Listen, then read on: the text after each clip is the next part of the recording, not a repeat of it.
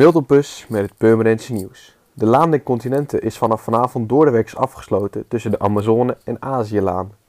De weg is gesloten tussen 7 uur s avonds en 6 uur s ochtends. De gemeente gaat het asfalt van de rijbaan namelijk herstellen ten hoogte van het spoorviaduct. Het werk gaat twee weken duren. In het weekend is de weg wel open. De afsluiting is nodig omdat de weg een nieuwe laag asfalt krijgt. Maandag 3 juni begint de Week van de Jonge Mantelzorger.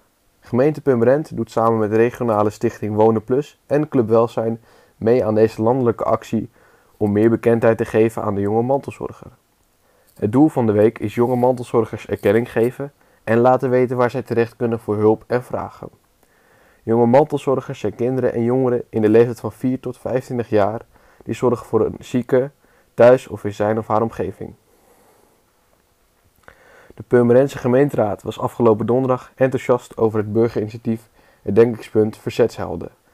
Het doel is om in de verzetstrijdersbuurt in Overweren Noord een gedenkteken te realiseren voor de gefusileerde verzetshelden uit de Tweede Wereldoorlog, zodat Purmerenders hen niet vergeten. Het burgerinitiatief komt op een uiterst gelegen moment. Volgend jaar wordt namelijk gevierd dat Nederland 75 jaar geleden werd bevrijd.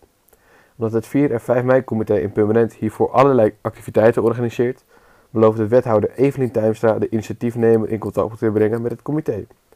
Voor meer nieuws, kijk of luister natuurlijk naar RTV Permanent, volg onze socials of ga naar rtvpermanent.nl.